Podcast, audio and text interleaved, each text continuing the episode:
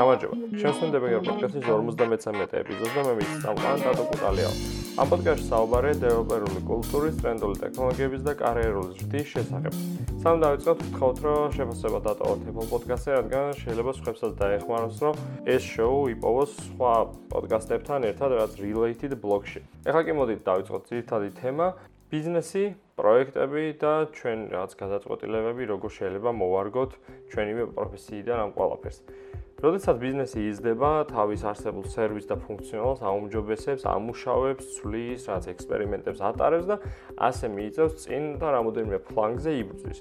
მუდამ იქნება ახალი ბიზნესები ამავდროულად, იდეების ხორჩესხმა ხდება და მუდმივად ეძებენ ახალ კადრებს, ვინც ამას მოკიდებს ხელს, არაფერი უჩვეულოა არ ხდება. თუმცა უკვე ხორჩესხმულ იდეებზეც ხომ უნდა იმუშაოს ვიღაცამ რა. და მაგასაც ჭირდება განვითარება და პატრონობა. ხო და დღეს ვისაუბროთ სწორედ ამაზე. იმიტომ რომ ხშირად ახალი სამუშაოს დაწყებისას გვიწევს უკვე არსებულ პროექტებში ჩაბმა, ნაცვლად სულთაფურცლიდან დაწყებისა.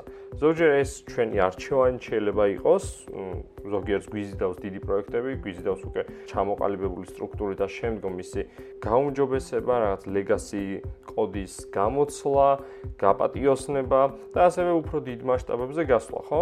ანუ ყველა სხვადასხვა მისწრაფებები აქვს. თუ უკვე გვიზიდავს ასეთი ნიშნავს, რომ შექმნილია, როგორც უკვე თქვი, რაღაც ლეგასიც აქვს რაღაც დონე და სჭირდება სწორედ განვითარება და შენარჩუნება. მოდი ახლა ჩამოვთვლი რამოდენიმე პუნქტს, რომელიც განსაკუთრებით მიზანი, სამიზნე აუდიტორია ამისი არის დამწყებიდან middle developer-ებამდე და იცოდეთ, თქვათ, ახალ გუნდში გადასვლისას, ახალ სამსახურში გადასვლისას, ახალ პროექტზე ხელის მოკიდებისას, რას მიაქციოთ ხოლმე ყურადღება.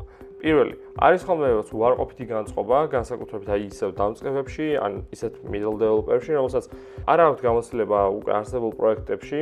გონიათ რომ ჩართვა არის რთული და არ მოსწონთ რაღაც ტექნოლოგიები რადგანაც ყოველთვის როცა ახალ პროექტს წერენ აქვს თავისუფლება ნებისმიერ ტრენდული ტექნოლოგია აირჩიონ ხოლო არსებულ პროექტებში ხშირად ხდება რომ ის ტექნოლოგიები რომელიც თქვა შეიძლება დღეს ბაზარზე არ იყოს ისეთი პოპულარული ამ პირიქით რაღაცა best practice-ები შეიცვალა ამ ტექნოლოგიასთან დაკავშირებით, ხო? არ მოსწონთ ამასთან მუშაობა. ამიტომ შეიძლება არის ხოლმე რომ არჩევას აკეთებენ ახალ პროექტზე. თუმცა რეალურად თქვენ იმიტომ მიდიხართ ახალ სამსახურში, რომ თქვენ შეგწევთ წესით ძალა, რომ ეს რაღაცები შეცვალოთ. ამიტომ ესე პირდაპირ შავი თეთრზე არ არის, რომ ახალი პროექტები ჯობია ძველ პროექტებს და ძველი პროექტები ყველა არის გადასაგდები, ხო?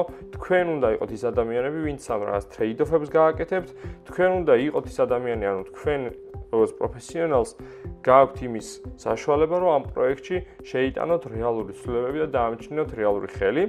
პლუს ეს გამოცდილება არის ძალიან აუცილებელი მომავალი კარიერული ზრდისთვის, რადგანაც ფუფუნება იმის, რომ დაწერო რაღაც თავიდან, გამოიყენო ყოველთვის ახალი ტექნოლოგიები და შემდგომ შენარჩუნებაზე დიდი ხანი არის ზრუნო, აქ არ არსებობს ეგეთი რაღაცა. აქ ყოველი ხაზი კოდი არის გათვლა მომავალში, რას იზამეს, როგორ მოიქცევა.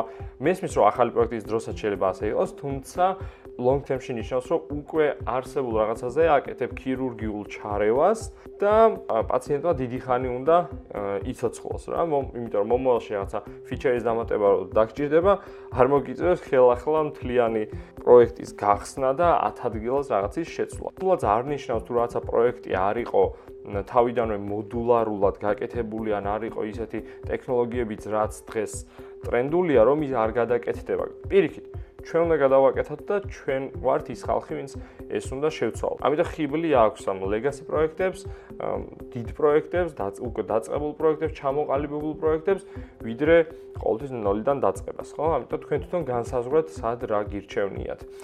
ერთი კარგი ეპიზოდი მე კიდე ის ყოველი ხაზი როგორ შეიძლება გავთვალოთ და რატო გჭირდება უფრო მეტი ფიქრი ამ არსებულ პროექტებში ჩვენ კონთან დაკავშირებით რომელსაც რესურსებში აუცილებლად დავლინკავ შეიძლება მოსმენელს გაქვთ ეს არის ცხვარზე კოდზე და გუნდელებზე ხოლმე რა კავშირი არსებობს ცხვრის ფარასა და კოდს შორის აი მეორე პუნქტი რაც არის გამოვყავი ასე. არსებულ პროექტებს ჩართვისას გადაანაწილეთ ენერგია. და არ გააკეთოთ ისე რომ თავიდან დაიხარჯოთ ბოლომდე შემდგომ საერთოდ მოდუნდეთ და ენერგია არ შეგრჩეთ. გადაანაწილეთ დატვირთოთ და იცოდეთ რომ ყველაფერი მალე არ დამთავრდება და რაც დღეს ხდება, ხვალაც მოგიწევთ მაგის გაკეთება. ბევრად უფრო დიდი სიცოცხლის ციკლი აქვს ამ არსებულ პროექტს, დიდ პროექტებს განსაკუთრებით და შეიძლება რაღაცა ერთი ფუნქციონალის დამზადებაში უფრო მეტი დრო დახარჯოთ, იმიტომ რომ უკვე რაღაც სხვა ფუნქციონალთან გადაჯაჭვულია, ხო? ამიტომ ეცადეთ რომ არ გადაიწვათ თანაბარი თანაბარი იმით მეკა ძალით მიყვეთ. რა თქმა უნდა, გასათვალისწინებელია თქვენი შიდა დისციპლინა, თქვენი მიდგომებიც უკვე ხო? თუ უკვე ჩამოყალიბებული დეველოპერი ხარ, ანუ შენ თავს უკეთესად თუ იცნობ, შეიძლება რაღაცა ცვლილებები შეტანა, ხო? როგორ აკეთებ გუნდში ადაპტაციას, როგორ აკეთებ პროექტის შენ თავზე მორგებას, მაგრამ როდესაც დამწყები ხარ და აყავ რომ იყოს senior developer-ის გვერდით, მაგ შემთხვევაში პირიქით ეცადე რომ ნელ-ნელა ნელა აითვისო, იმიტომ რომ არაფერი საჩქარო არ არის, ის დღე მოვა, როდესაც ძალიან ბევრი რაღაცა გეცოდინება ზოგადად software engineering-ზე და პროექტზე კონკრეტულად. მესამე პუნქტი ყველაზე მთავარი ალბათ ჩვენ სფეროში რაც არის და რასაც ყოველთვის ვამბობ ეპიზოდების განმავლობაში არის რომ შეისწავლეთ დომენი. შეისწავლეთ ის კონტექსტი, სადაც თქვენ გიწევთ ან თქვენს ბიზნესს უწევს მოღვაწეობა, ხო? ამის გარდა შეისწავლეთ გუნდები, შეისწავლეთ ამ პროექტის წინა ისტორია, ხო? ის პროექტს რა კონტექსტი ქონდა, რა რა გამოწვევები ედგა წინათ, რა გაიარა, როგორ გადალახა, გაიკითხეთ გუნდელებთან, რადგან საინტერესოა. იმიტომ საინტერესო რომ მიხვდეთ როგორ სუნთქავს გუნდი, როგორ აკეთებს ამოცანების გადაჭრას, რა ტრეიდოფებზე მიდის ხოლმე, რაც დაგეხმარებათ საომალო დროდესაც თქვენი ნავი მიადგება აი ასეთ მომავალ ჩასაჩეხ ნაწილს ხო, ან დინარეში, გეცოდინებათ როგორ მოიქცეთ და გუნდი დაახლოებით რას მოიფიქრებს. კიდევ ერთი მოინიშნეთ რაც არ მოგწონთ, როგორ გაუმჯობესდებოდა.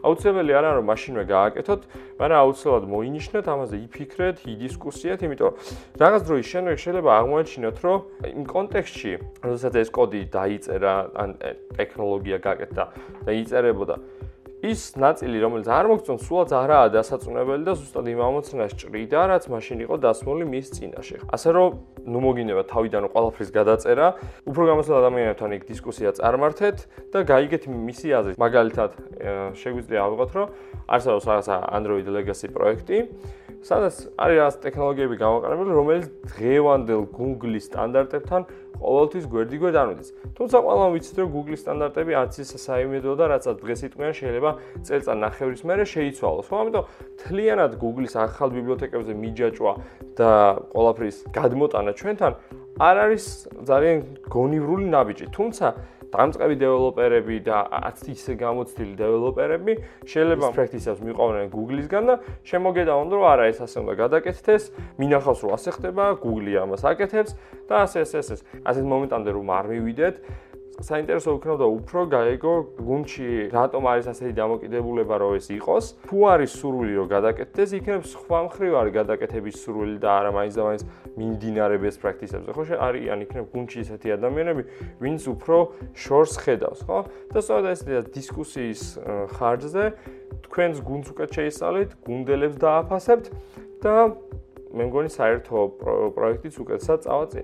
აი გუნდელებზე ვსაუბრობდი და გუნდზე და მივადექით ისეთ ნაწილს, სადაც ამდენი ხანი ვსაუბრობდი ტექნიკურ ხარაზე, მაგრამ დავჩაგრეთ ცოტა ადამიანური და გუნდური ასპექტები. ხო და გაიცანით გუნდი, გაითავისეთ გუნდის პრობლემები, მიზნები, ეს რა ტაქტი აქვს, კადენსი, ან როგორ მოძრაობენ, როგორ ებრძვიან მას პრობლემებს, უპირისპირდებიან, როგორ ჭრიან. რა აქვთ ერთმანეთთან ასე ვთქვათ, დამაკავშირებელი, ხო? ანუ შეიძლება იყოს გუნდი, რომელიც მხოლოდ 9-დან 6-მდე ხედავს ერთმანეთს და დანარჩენ შემთხვევაში ერთმანეთს კი ესაუბრა, მაგრამ არის გუნდი, რომელიც მართლა დაინტერესებული არიან ერთმანეთის კარგით და ცუდით და მართლა ცდილობენ, რომ სამსახურის გარეთაც იყვნენ ერთმანეთის გვერდით, ხო? ანუ არსებობს გუნდიც და არის გუნდიც. ანუ ეცადეთ რომ სწორედ მეორე გუნდი გაიცნოთ და ეცადეთ იმ გუნდის ნაწილი გახდეთ. თუ არ არის, ჩამოაყალიბოთ. და მთავარია ადამიანები და არა ტექნოლოგიები, რადგანაც ტექნოლოგიებს ყოველთვის ქმნიდნენ ადამიანები და ეს ადამიანები აყალიბებენ უფრო ძლიერ ბმებს და ჯაჭვებს ვიდრე ტექნოლოგიები. ამიტომ ის ადამიანებს, ვისაც გაიცნო და ჩამოაყალიბებს ურთიერთობას, ბევრად უფრო მნიშვნელოვანი არის ვიდრე კონკრეტული Android, web თუ ნებისმიერ backend ტექნოლოგია. მიწურულისკენ იყო ადამიანი და დაუშვა შეცდომები, ეგ ნორმალურია აბსოლუტურად. ყველაფერს ერთიანად ვერ გაასწორებ, ასე რომ ეცადე ეს დინება საით მიდის ის დაინახო და საჭიროების შემთხვევაში იყავ ინიციატორები, რომ გადაანალიზოთ რაღაცა პროცედურები და ნუ შეუშინდები ამ რაღაც შეცდომების დაშვებას. უბრალოდ შეცდომების დაშვება ყველაფერს აქვს თავისი ფასი და ასე თავქარიანად შეცდომების დაშვებას ყოველთვის არ შეიძლება. თავარი არის პასუხისგებლობის აღება. პასუხისგებლობის აღება კი ისეთ გუნჩი, სადაც შეგიძლია ადამიანებს ენდო, სადაც იცი ადამიანები როგორ სუნთქავენ, ბევრად მარტივია, ვიდრე მარტო როცა გძნობ გუნჩი თავს. აი ამაზე უკვე შემდეგ ეპიზოდში ვისაუბრებთ, როგორი არის შეცდომების დაშვება და როგორ შეგვიძლია რაც ტრეიდ-ოფების გაკეთება. დღეისთვის სულ ეს იყო. დიდი მადლობა ყურადღებისთვის. მომავალ შეხვედრაზე.